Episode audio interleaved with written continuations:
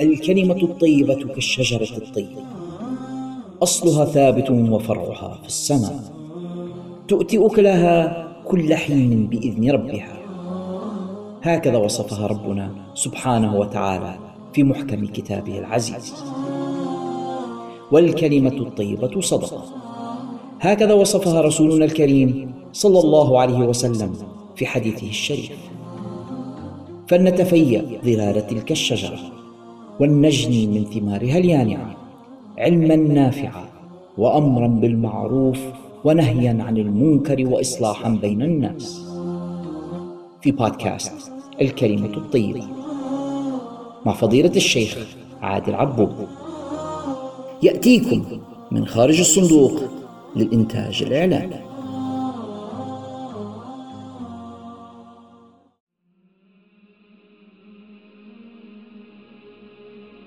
بسم الله الرحمن الرحيم الحمد لله رب العالمين والصلاة والسلام على أشرف الأنبياء والمرسلين سيدنا ونبينا محمد وعلى آله وصحبه أجمعين اللهم افتح علينا حكمتك وانشر علينا رحمتك وأعنا على تقواك وما فيه رضاك يا ذا الجلال والإكرام اللهم ذكرنا ما نسينا وعلمنا ما جهلنا واجعل ما تعلمنا إياه حجة لنا لا علينا. اللهم لا تعقنا عن العلم بعائق ولا تمنعنا منه بمانع. اللهم إنا نعوذ بك من قضاء السوء ونعوذ بك من يوم وليلة وساعة ولحظة وخبر السوء. ونعوذ بك من قرين السوء ونعوذ بك من جار السوء في دار المقامة.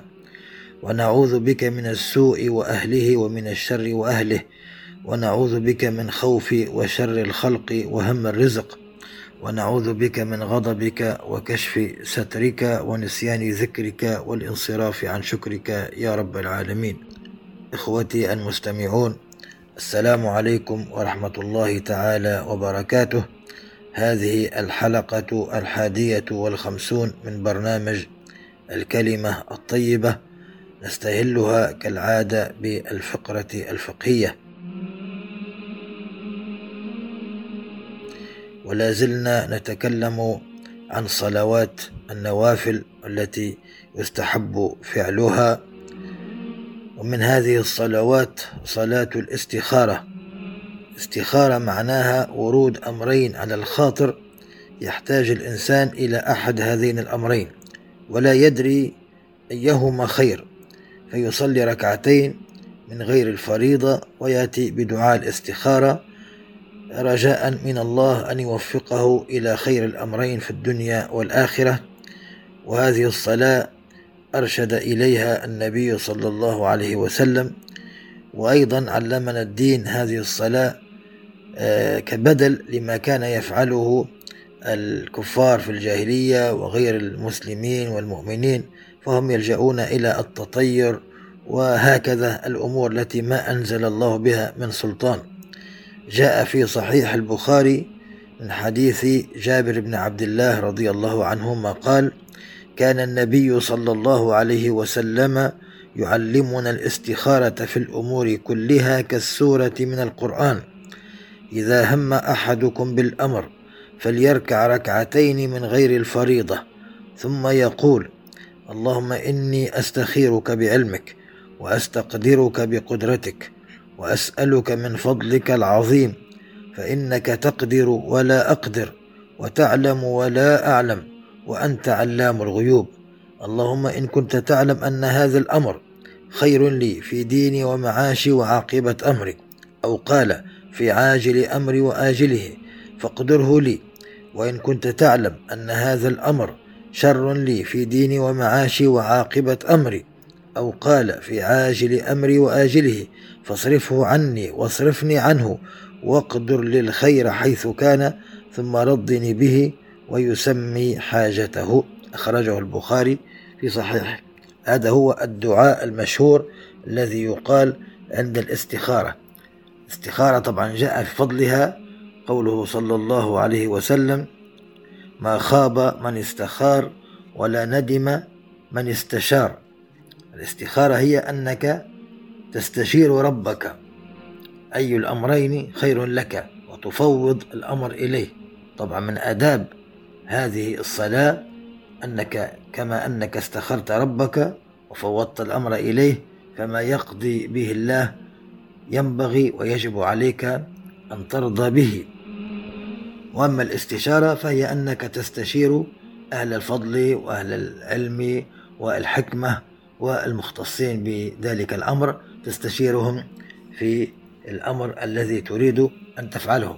فالاستخارة خاصة بأن المؤمن يستخير ربه ويستشير الخلق أو الناس الذين هم يعني يعلمون الأمر الذي يستشير فيه ويكونون من أهل الفضل.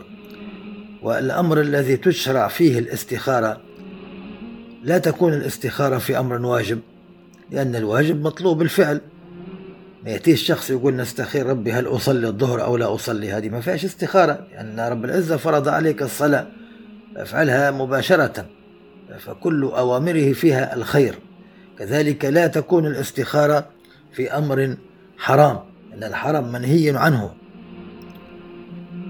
ومطلوب الترك ولا تخير فيه. كذلك لا تكون الاستخارة في أمر مستحب إلا إذا كان هناك يعني أمران مستحبان فتستخير الله في أيهما تقدم لأن أصل الإقدام على ذلك الأمر المستحب أصله مشروع ومطلوب بالشرع. لكن إذا تعارض أمران مستحبان ولم يعلم الإنسان أيهما يقدم فهنا يستخير. كالتخير بين الكفئين في تزويج البكر. إنسان عنده ابنته أو هو الولي عليها مسؤول عنها بكر ويريد أن يزوجها وتقدم إليها خاطبان فهو يعني لم يعلم أيهما أفضل لها مع أنهما فيهما الصفات الحسنة الاثنان مثلا وهكذا فهنا يستخير. كذلك الشخص إذا أراد الزواج فيستخير المولى في التي يريد أن يتزوجها وأيضا الفتاة. إذا تقدم إليها شخص تستخير الله هل يعني تقبل الزواج به أو لا؟ طبعا بعد الأخذ بالأسباب الأخرى والبحث عنه وعن أخلاقه ودينه وهكذا. فكذلك مثلا في أمور الدنيا الإنسان يريد أن يدخل في مشروع ما أو أن يدخل كلية ما يدرس علم من العلوم. فهنا يعني فيه خطوات معينة ومن ضمنها أيضا دعاء الاستخارة ويكون بعد ركعتين من النوافل كما جاء في الحديث وكما نص الصحابة على أن رسول الله صلى الله عليه وسلم كان يعلمهم الاستخارة في الأمور كلها. فالاستخارة عادة تكون في الأمور المباحة التي يجوز الإقدام عليها وتركها. يجوز أن تقدم عليها أو تتركه أمر مباح له واجب ولا مستحب ولا منهي عنه حرام أو مكروه. فهذه هي التي في الأصل تشرع لها الاستخارة. والأولى في الاستخارة أن الإنسان يقدم عليها عند أول ما يرد الخاطر على القلب. قبل أن يتمكن الأمر من القلب. إنسان يعني تمكن الأمر. مثلا يريد أن يخطب فلانة وبعد أن تمكن يعني حبها في قلبه ثم يستخير. هنا يصعب. يعني لو أنه حس أو الإحساس نفسه لا يكون صادقا قد يكون يعني إشارة من الله لا يتزوجها لأنه تمكن حبها من قلبه. فدائما الاستخارة تكون مع أول خاطر. ولكن الإنسان دائما لا بأس أن يفعل الاستخارة رجاء أن يوفقه الله إلى ما فيه الخير.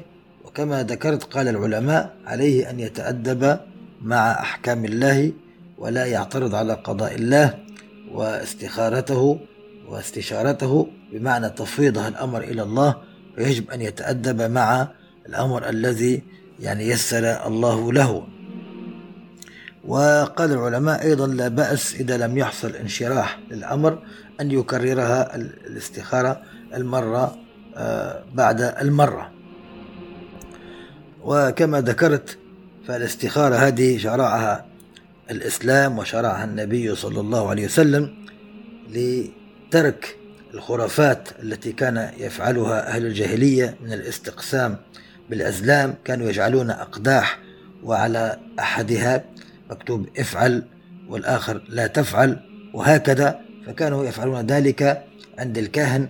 وللأسف هنا بعض الناس لا زال في بلاد المسلمين يذهبون إلى الكهان وإلى آه، العرافين وغيره ويلجؤون إلى هذه الأمور مع أننا قد أبدلنا بشيء أعظم منها وهو الاستخارة نستخير ربنا سبحانه وتعالى وهو شرف وأي شرف للمؤمن أن يستخير مولاه سبحانه وتعالى.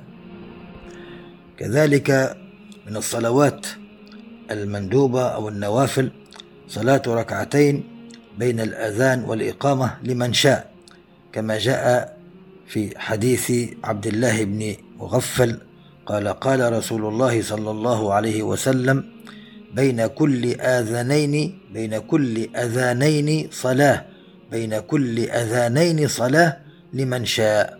هكذا ختمها بقوله لمن شاء بمعنى أنها من النوافل وليست من السنن المؤكدة. كذلك من الصلوات المطلوبة صلاة الحاجة. وصفتها كما جاء في حديث عثمان بن حنيف أن رجلا ضرير البصر أتى النبي صلى الله عليه وسلم فقال ادعو الله لي أن يعافيني. فقال إن شئت أخرت لك وهو خير وإن شئت دعوت. وقال ادعه. فأمره أن يتوضأ فيحسن وضوءه ويصلي ركعتين ويدعو بهذا الدعاء. اللهم إني أسألك وأتوجه إليك بمحمد النبي الرحمة.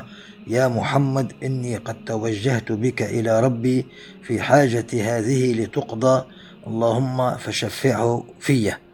هذا الحديث قال العلماء حديث صحيح بأسانيده وهو في صلاة الحاجة.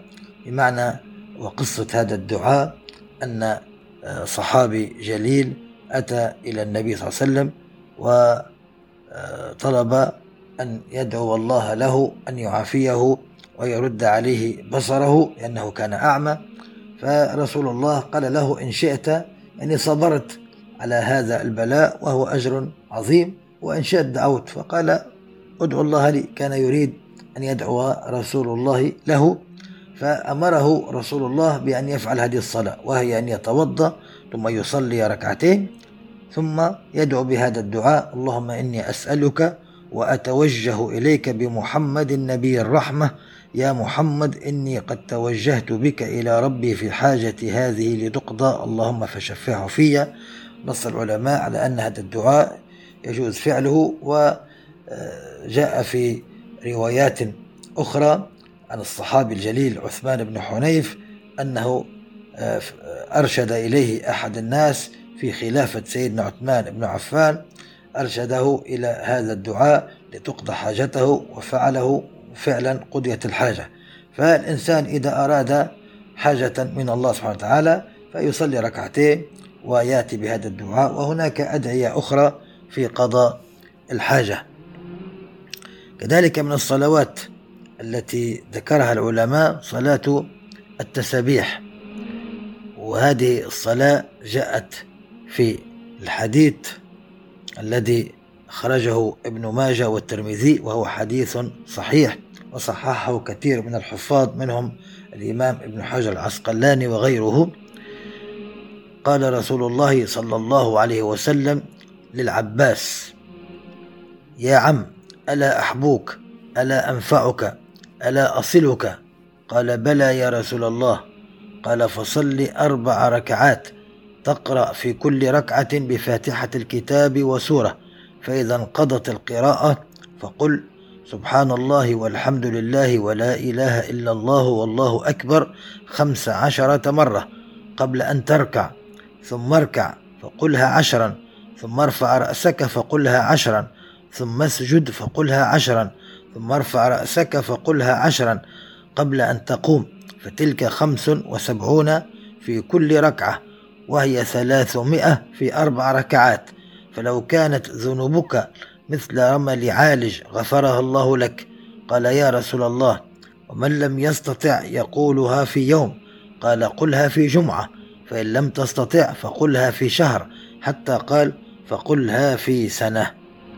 حديث خرجه الترمذي وابن ماجه رضي الله يعني عنهما وهو حديث صحيح. فهذا الحديث وهذه السنة قال العلماء ينبغي للإنسان أن يأتي به ولو مرة واحدة لما فيه من الفضل العظيم تسمى صلاة التسابيح وهي يعني رسول الله قالها لعمه سيدنا العباس رضي الله عنه؟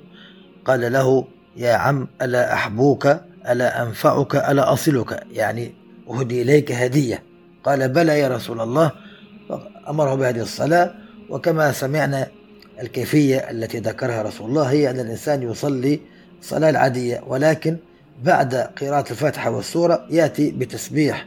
الباقيات الصالحات سبحان الله والحمد لله ولا إله إلا الله والله أكبر يأتي بها خمسة عشر مرة يكرر خمسة خمسة عشر مرة. ثم يركع يأتي بتسبيح الركوع سبحان ربي العظيم ثلاث مرات مثلا. ثم يأتي بهذه الباقيات عشر مرات. ثم يرفع رأسه من الركوع يقول سمع الله لمن حمده. ثم يأتي بها عشر مرات ثم يهوي للسجود. كذلك عندما يرفع رأسه من السجدة الأولى يقولها عشرا بعد أن يقولها في السجود عشرة ثم يهوي للسجدة الثانية فيقولها عشر مرات بعد أن يقول سبحان ربي الأعلى أو يدعو يأتي بهذه التسبيحة عشر مرات. ثم بعد أن يرفع رأسه من السجدة الثانية يأتي بها عشر مرات إما أن يأتي بها في جلسة الاستراحة بمعنى يقولها وهو جالس ثم يقوم للركعة التي تليها وإما أن يقوم ويأتي بها عشر مرات قبل أن يشرع في القراءة لكي يكون خمسة وسبعون تسبيحة في كل ركعة. وقبل في الركعة الثانية مثلا إن صلاها ركعتين وسلم أو حتى في التشهد الأول يأتي بالتسبيح قبل التشهد. دائما تسبيح ثم التشهد لأن السلام يكون عقب التشهد. ففي أربع ركعات يكون مجموع التسبيحات 300 تسبيحة ففيها فضل عظيم في غفران الذنوب. فعلى المسلم لا يفوت هذا الخير العظيم وكما ذكرت هذا الحديث صححه كثير من الحفاظ وله شواهد.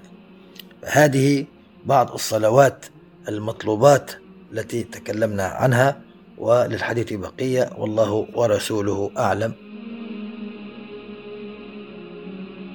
في الفقرة الثانية الفقرة الوعظية.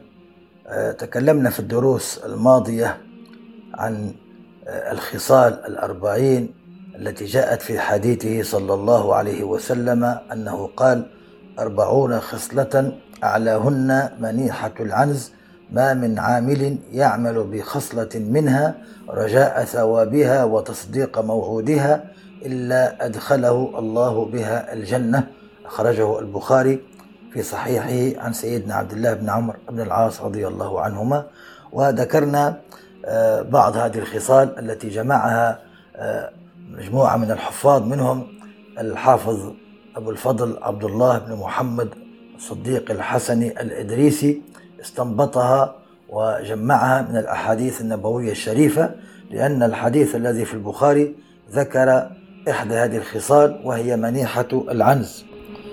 وذكرنا ما معنى المنيحة وهي أن إنسان يعطي لشخص مثلا عنزا اللي هي من الماعز لكي يستفيد بلبنها وهكذا ثم يردها لا يملكه إياها. فهذه فيها الأجر العظيم.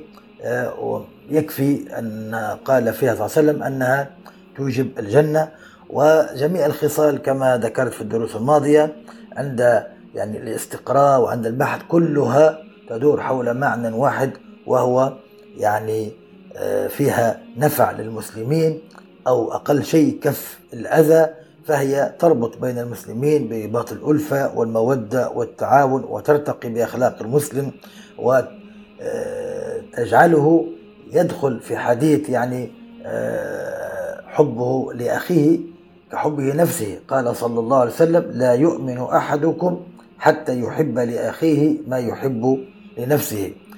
ذكرنا الخصال الأربعة الأولى وهي منيحة العنز وإماطة الأذى عن الطريق وسقي بهيمة وعيادة مريض.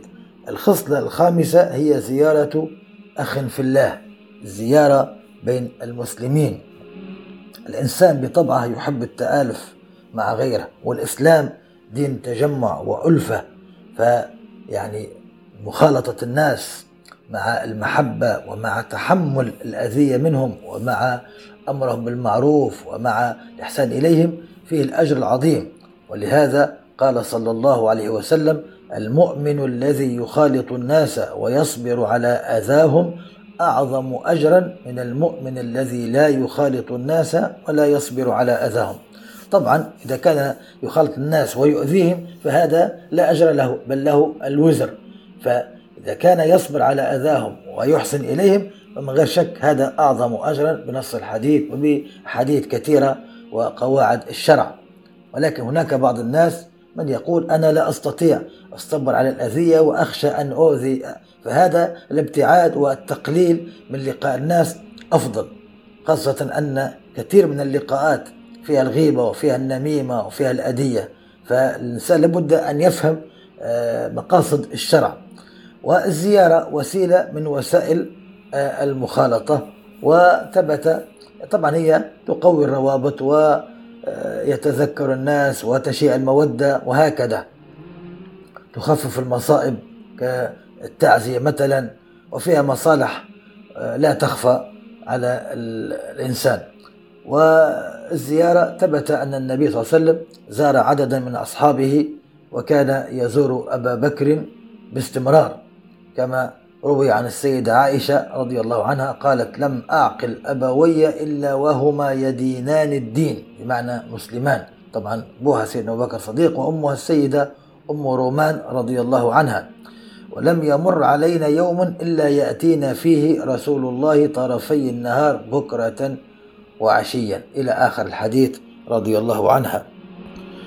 وعن أنس بن مالك رضي الله عنه أن رسول الله صلى الله عليه وسلم زار أهل بيت من الأنصار فطعم عندهم طعاما فلما أراد أن يخرج أمر بمكان من البيت فنضح له على بساط فصلى عليه ودعا لهم. وهكذا رسول الله كان دائما يكرم كل من أسدى إليه معروفا. فهؤلاء أهل بيت من الأنصار يعني دعوه وزارهم وأطعموه طعاما. فلما أراد الخروج يعني جاء في ناحية من البيت وصلى عليه بحيث تحصل البركة في بصلاته عليهم في ذلك البيت. ودعا لهم عليه الصلاة والسلام. وكما هو معلوم من أولى الزيارات هي زيارة الوالدين أن هذا من بر الوالدين وهو واجب وهو من أوجب الواجبات وترك الزيارة وترك تفقد الوالدين هذا من العقوق والعياذ بالله. ثم يأتي بعد ذلك زيارة صلة الأرحام وكما هو معلوم وجاء في الحديث أن الرحم معلقة بالعرش ورب العزة قال أما ترضي أني أصل من يصلك وأقطع من يقطعك وهكذا كما جاء في آثار كثيرة وتكلمنا عنها تكلمنا عنها يعني هي وبر الوالدين. لذلك من أنواع الزيارة زيارة الجيران وتفقد أحوالهم. أيضا جاء في الحديث قوله صلى الله عليه وسلم ما زال جبريل يوصيني بالجار حتى ظننت أنه سيورثه. ثم هناك زيارة المرضى وتكلمنا عن عيادة المريض وكيف فيها الأثار الطيبة على المريض تشرح صدره وتطمئن قلبه وتخفف آلامه وفيها الفضل العظيم أحاديث كثيرة منها ما رواه سيدنا أبو هريرة رضي الله عنه قال قال رسول الله صلى الله عليه وسلم إن الله عز وجل يقول يوم القيامة يا ابن آدم مرضت فلم تعدني قال يا رب كيف أعودك وأنت رب العالمين؟ قال أما علمت أن عبدي فلانا مرض فلم تعده؟ أما علمت أنك لو زرته لوجدتني عنده؟ انظر يعني هذا الفضل. انظر هذا الفضل العظيم في عيادة المريض. وتكلمنا عنها في الدرس قبل الماضي. كذلك من الزيارة أيضا زيارة أهل الميت لتعزيتهم كما جاء في الحديث قوله صلى الله عليه وسلم ما من مؤمن يعزي أخاه بمصيبة إلا كساه الله من حلل الكرامة يوم القيامة. كذلك من الزيارة زيارة الأيتام والعطف عليهم. قال صلى الله عليه وسلم أنا وكافل اليتيم في الجنة هكذا. وأشار الوسطى والتي بجنبها بالمسبحة وفرج بينهما شيئا. قال النووي كافل اليتيم القائم بأموره.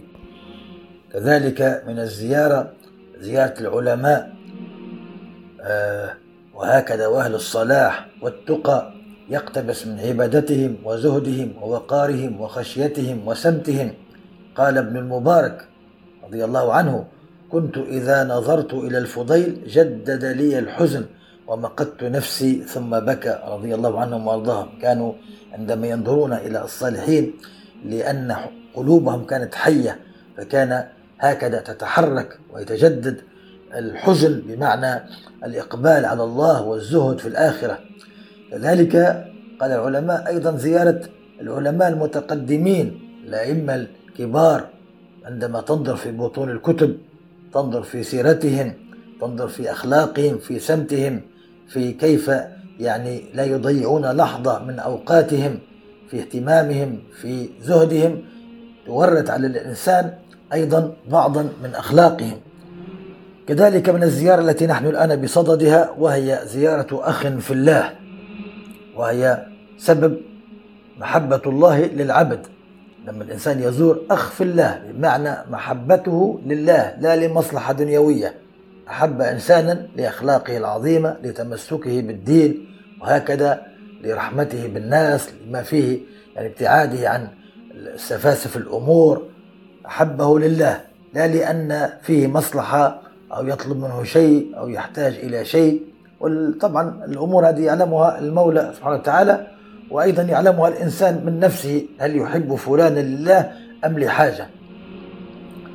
جاء في الحديث أن رسول الله صلى الله عليه وسلم ذكر أن رجلا زار أخا له في قرية. أخا بمعنى أخا في الله. فأرصد الله له على مدرجته ملكا أي على طريقه إلى تلك القرية وقف ملك على هيئة بشر. فلما أتى عليه قال أين تريد؟ قال أريد أخا لي في هذه القرية. قال هل لك عليه من نعمة تربها؟ قال لا. غير أني أحببته في الله عز وجل. قال فإني رسول الله إليك بأن الله قد أحبك كما أحببته. انظر هذه المنقبة العظيمة أن آه، رب العزة أرسل ملك لكي يبشر هذا الرجل لأن محبته كانت صادقة ومخلصة لله تعالى وذهب ليزور أخاه في الله فقال له إن الله أحبك كما أحببت أخاك في الله. لأنه أحبه في الله.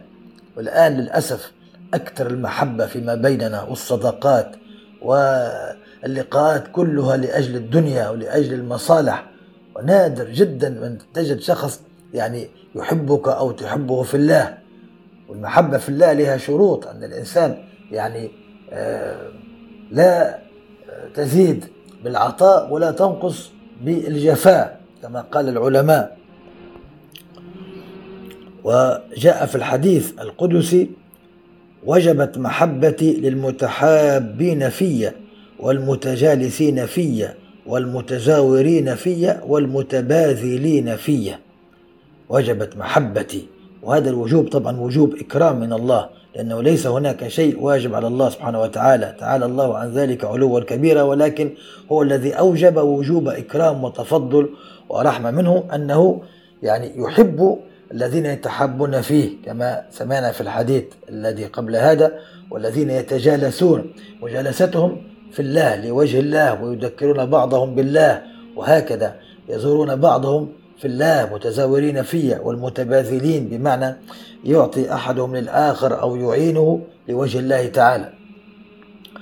وأيضا من الأشياء التي ينبغي ذكرها هي آداب الزيارة لأن الزيارة لو لم تفعل بآدابها قد لا تحقق الأهداف التي جعلت منها من بث روح المودة والمحبة وحسن الأجر. فمن أبرز آداب الزيارة اختيار الوقت المناسب واليوم المناسب. أما الهجوم على البيوت دون استئذان فهو يتنافى مع أدب الإسلام. يعني حتى لو كان لك شخص تحبه في الله تكون الزيارة طويلة مكررة تفضي إلى الملل تضيع الوقت تجعل الزائر ثقيلا. كذلك من آداب الزيارة خفة الكلام حسن الاستقبال بالنسبة للشخص المزور. ولكن لا يعني يسوغ هذا أن الإنسان يسترسل ويكتب من الكلام. وخاصة عندما تزور شخص يعني من العلماء ومن المشايخ وعنده يعني أمور يريد أن يفعلها فوقته ضيق وعنده كثرة أعباء فأنت تضيق عليه الوقت فالإنسان يلاحظ هذه الأمور. دائما الخير كل الخير في التوسط والقصد كما جاء في الحديث خير الأمور أوساطها. كذلك كثرة الزيارات التي بدون هدف تتحول إلى ترترة وقيل وقال وغيبة ونميمة إلى غير ذلك. كذلك من الآداب الشرعية التي أدب الله بها عباده المؤمنين وهو أدب الاستئذان ذلك الأدب الرفيع حرمة للبيوت وتهديبا للنفوس. ولهذا جاء في الحديث أن رجل استأذن على النبي صلى الله عليه وسلم وهو في بيت فقال ألج؟ فقال النبي صلى الله عليه وسلم للخادم أخرج إلى هذا فعلمه الاستئذان. فقل له قل السلام عليكم أأدخل؟ فسمعه الرجل فقال السلام عليكم أأدخل؟ فأذن له النبي صلى الله عليه وسلم فدخل. فهنا الاستئذان لابد منه. بعض الناس من تسأله من بالباب فيقول أنا وهذه قد كرهها النبي صلى الله عليه وسلم. لما سأل شخص وقال أنا فقال رسول الله أنا أنا. يعني لابد أنت تريد الناس يعلمون صوتك اذكر اسمك لما تسأل من الطارق فقل فلان ابن فلان. هكذا أو فلان إذا كان تعرف باسم واحد. لا تقول أنا هذا من آداب الزيارة. ذلك يعني يمنع الوقوف هكذا مباشرة أمام الباب. سوء أدب فيه لأن أحيانا يفتح الباب فتطلع أنت على ما في البيت. وهذا فيه يعني اعتداء على حرمة البيت.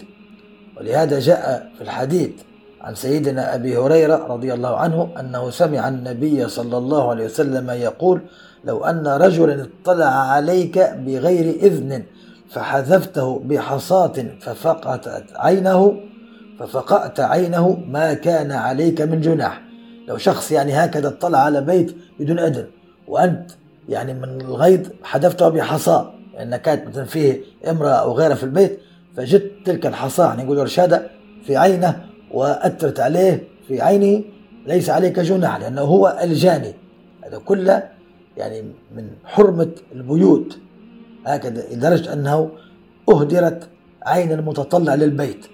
هذه أداب يجب الإنسان عليه إذا طرق الباب أن يأخذ يمينا أو شمالا حتى إذا فتح الباب لا يطلع على ما في البيت.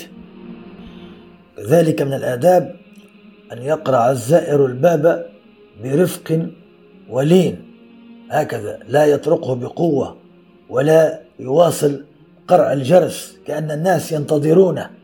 يعطيهم فرصة والسنة أن تقرع ثلاث مرات وتجعل بين المرة والمرة بمقدار أربع ركعات كما قال العلماء. لأن الإنسان قد يكون يصلي في تلك اللحظات حتى يفرغ من صلاته ويفتح لك الباب. لا الإنسان يمسك الجرس لا يعني يتركه أبدا والطرق لا يكون بقوة. كان الصحابة من أدبهم يقرعون باب رسول الله بالأظافر عليه الصلاة والسلام.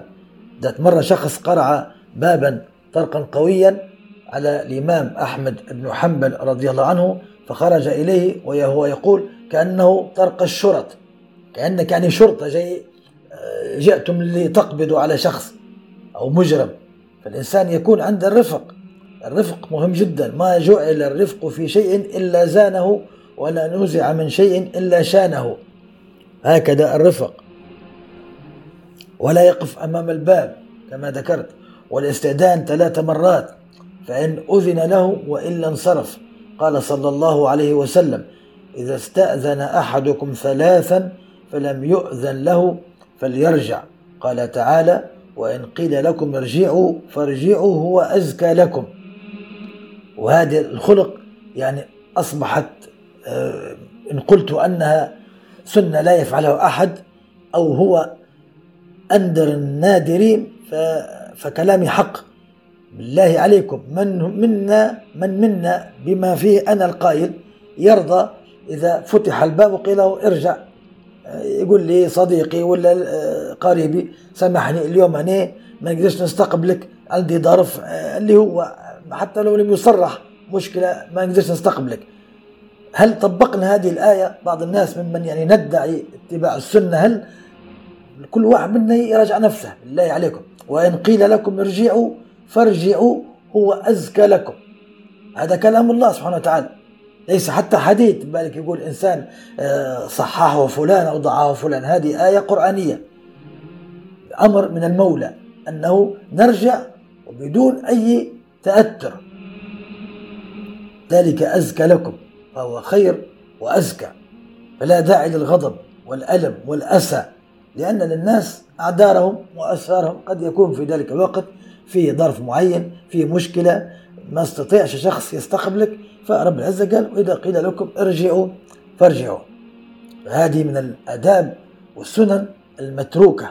التي ينبغي علينا أن نحييها لمن يريد أن يحيي السنة بحق وحقيقة فليأتي إلى هذه السنن التي هي قد تركت وهجرت. فهذه بعض الآداب التي ينبغي للإنسان أن يستعملها عند زيارة أخ في الله أو زيارة قريبة أو صديقة وهكذا حيث يتحصل الأجر ويدخل في هذا الفضل وهو آه، فضل الزيارة في الله. وأيضا الحديث الذي سمعناه آه، في الدرس قبل الماضي ونعيده أيضا لتكرار الفائدة قوله صلى الله عليه وسلم من عاد مريضا أو زار أخا له في الله ناداه مناد أن طبت وطاب ممشاك وتبوأت من الجنة منزلا وهذا حديث هو الذي استدل به واستند إليه من جمع هذه الخصال أن هذه أحد من الخصال الأربعين التي توجب الجنة قوله صلى الله عليه وسلم وتبوأت من الجنة منزلا عيادة المريض وزيارة الأخ في الله وفقني الله وإياكم للعمل بهذه الخصال وللحديث بقية بإذن الله تعالى والله ورسوله أعلم. في الفقرة الثالثة وهي الخصال المجيدة والأخلاق الحميدة والسيرة العطرة للحبيب الأكرم صلى الله عليه وسلم ذكرنا في الدرس الماضي جملة من التشريفات التي وضعها الله تعالى لنبيه صلى الله عليه وسلم حتى يستيقن المؤمن ويتعرف الجاهل على قدر هذا النبي. فديناه بآبائنا وأمهاتنا وأنفسنا صلوات ربي وسلامه عليه حتى يكون معزرا موقرا مهيبا ولا يعامل بالاسترسال كما يعامل الأكفان. الباب الثالث قوله تعالى يا أيها الذين آمنوا لا تقولوا راعنا وقولوا انظرنا واسمعوا. هذه الآية كما ذكر العلماء منهم القاضي عياض رحمه الله تعالى أن اليهود كانوا يقولون راعنا يا محمد أي أرعنا سمعك واسمع منا ويعرضون بالكلمة يريدون الرعونة. فنهى الله المؤمنين عن التشبه بهم وقطع الذريعة بنهي المؤمنين عنها لئلا يتوصل بها الكافر والمنافق إلى سبه والاستهزاء به. كذلك قال بعض أهل التفسير أن الكلمة كانت سبا قبيحا كلمة راعنا كانت سبا قبيحا بلغة اليهود. والمسلمون كانوا يقولونها يقولون راعنا يا رسول الله بمعنى من المراعاة. ويعني كانوا يقصدون بها معنى جيدا ولكن اليهود كانوا يعلمون أو عندهم سبا فكانوا يقولونها بهذه النية واغتنموها حتى أنهم قالوا فيما بينهم كنا نسب محمدا صلى الله عليه وسلم سرا فأعلنوا له الآن والعياذ بالله بالشتم. هكذا يقولون بألسنتهم. فيأتون إليه ويقولون راعنا ويضحكون فيما بينهم. فسمعها سيدنا سعد بن معاذ كان يعرف لغتهم. فقال اليهود عليكم لعنة الله والذي نفسي بيده يا معشر اليهود لئن سمعتها من رجل منكم يقولها لرسول الله صلى الله عليه وسلم لأضربن عنقه. فقالوا أولستم تقولونها؟ فأنزل الله تعالى سدا للذريعة وحماية لجناب نبيه صلى الله عليه وسلم. أنزل قوله تعالى يا أيها الذين آمنوا لا تقولوا راعنا وقولوا انظرنا حتى لا يتخذ اليهود ذلك سبيلا إلى شتم رسول الله أعلى عليه الصلاة والسلام مقامه أعلى وأعظم عليه الصلاة والسلام.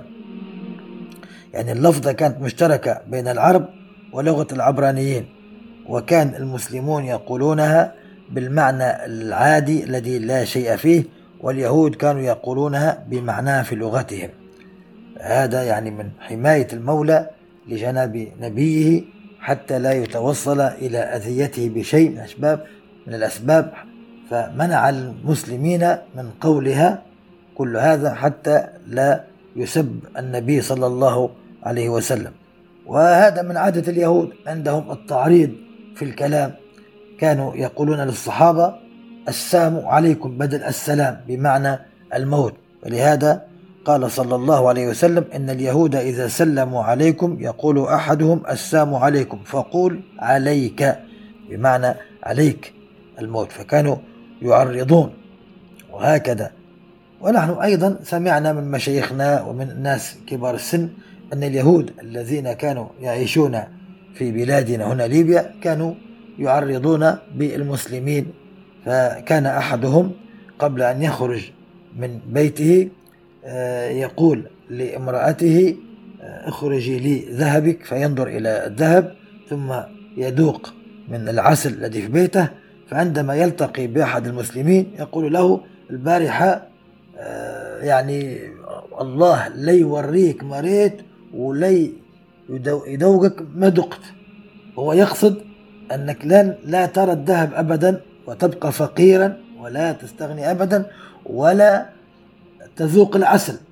المسلم بحسن نيته يعتقد أنه يعني بات في ليلة مريضا جدا فيدعو بعدم أن يعني يحدث له هذا المرض فيقول أمين.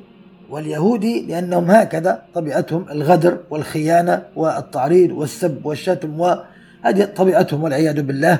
فهو يقصد لا يريك الله ما رأيت من الذهب ولا يذيقك ما ذقت من العسل. انظر يعني وهذه ذرة من أشياء التي يعني يفعلها اليهود. لأن عندهم الخيانة والغدر هذا من كأنهم من من دينهم يعني.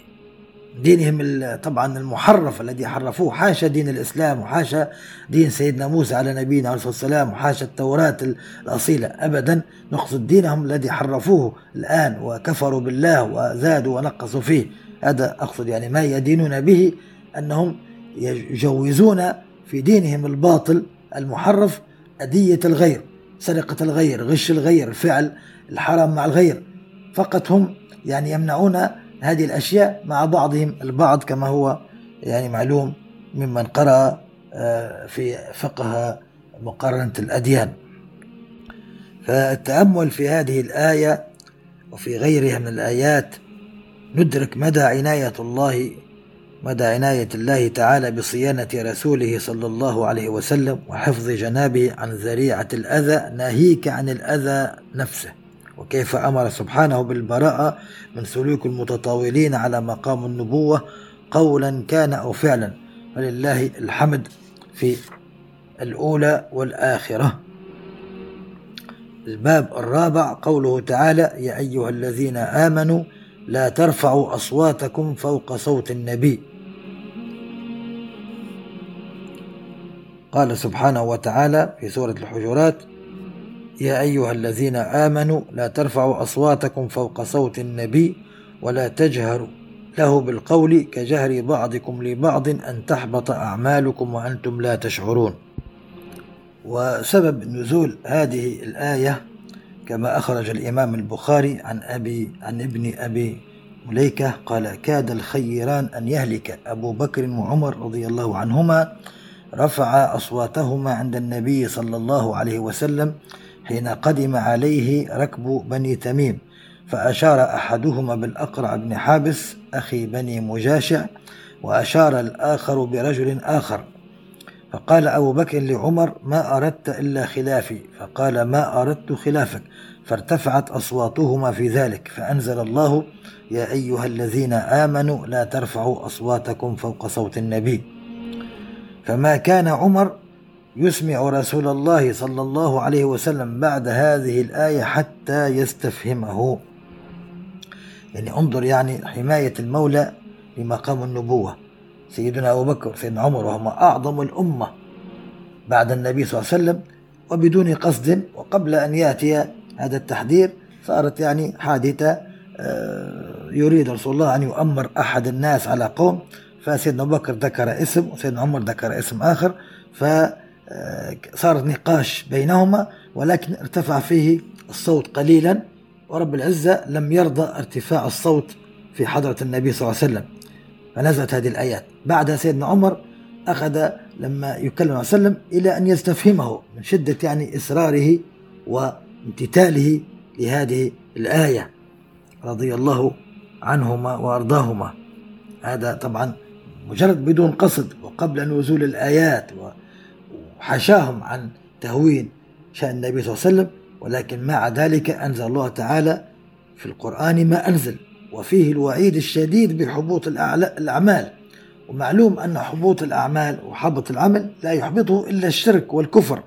يعني كأن التقدم بيدي رسول الله أو أن رفع الصوت يعني كأنه والعياذ بالله قريب جدا من الكفر اللهم عافنا.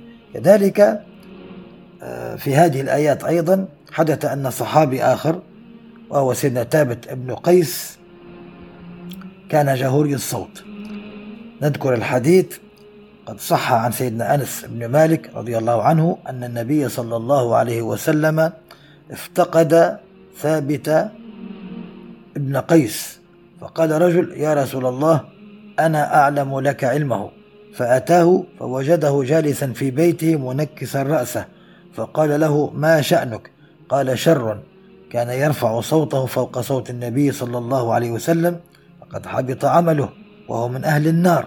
فأتى الرجل النبي صلى الله عليه وسلم فأخبره أنه قال كذا وكذا. ورجع إليه المرة الآخرة ببشارة عظيمة قال اذهب إليه فقل له إنك لست من أهل النار. ولكنك من أهل الجنة. قال الإمام البيهقي فكان بعد ذلك إذا جلس إلى النبي صلى الله عليه وسلم يخفض صوته حتى ما يكاد يسمع أو يسمع الذي يليه. ونزلت فيه إن الذين يغضون أصواتهم عند رسول الله أولئك الذين امتحن الله قلوبهم للتقوى لهم مغفرة وأجر عظيم.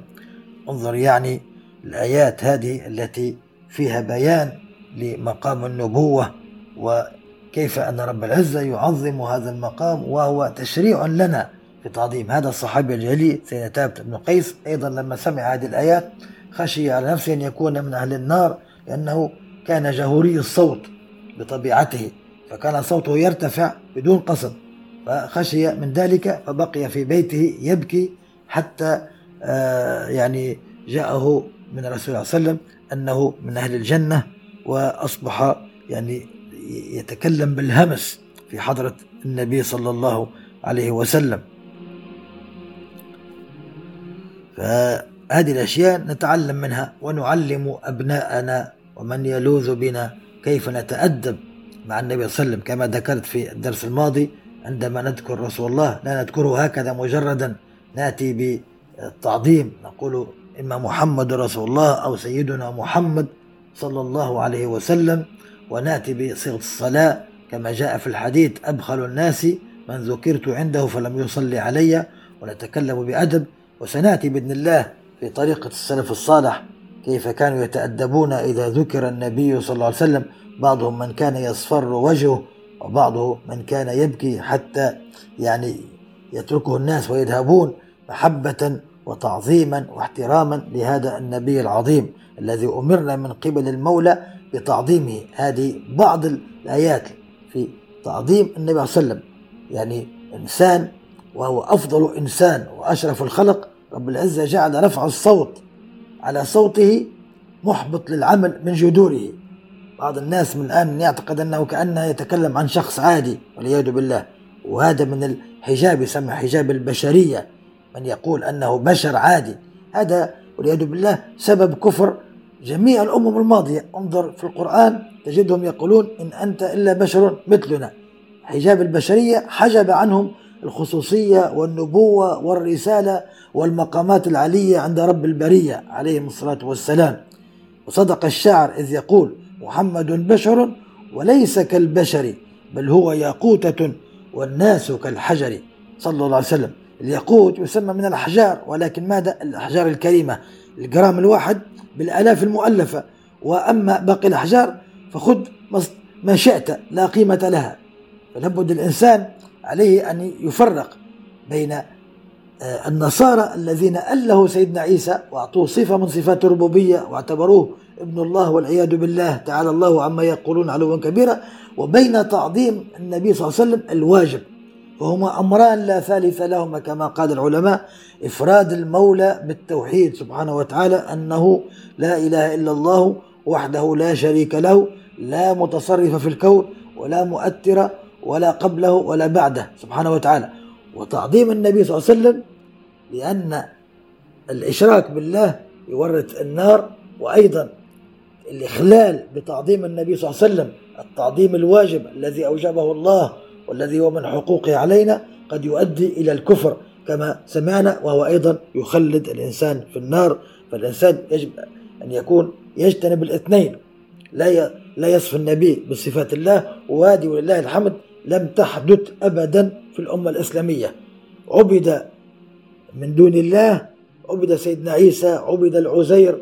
حتى في هذه الأمة بعض الناس عبدوا سيدنا علي.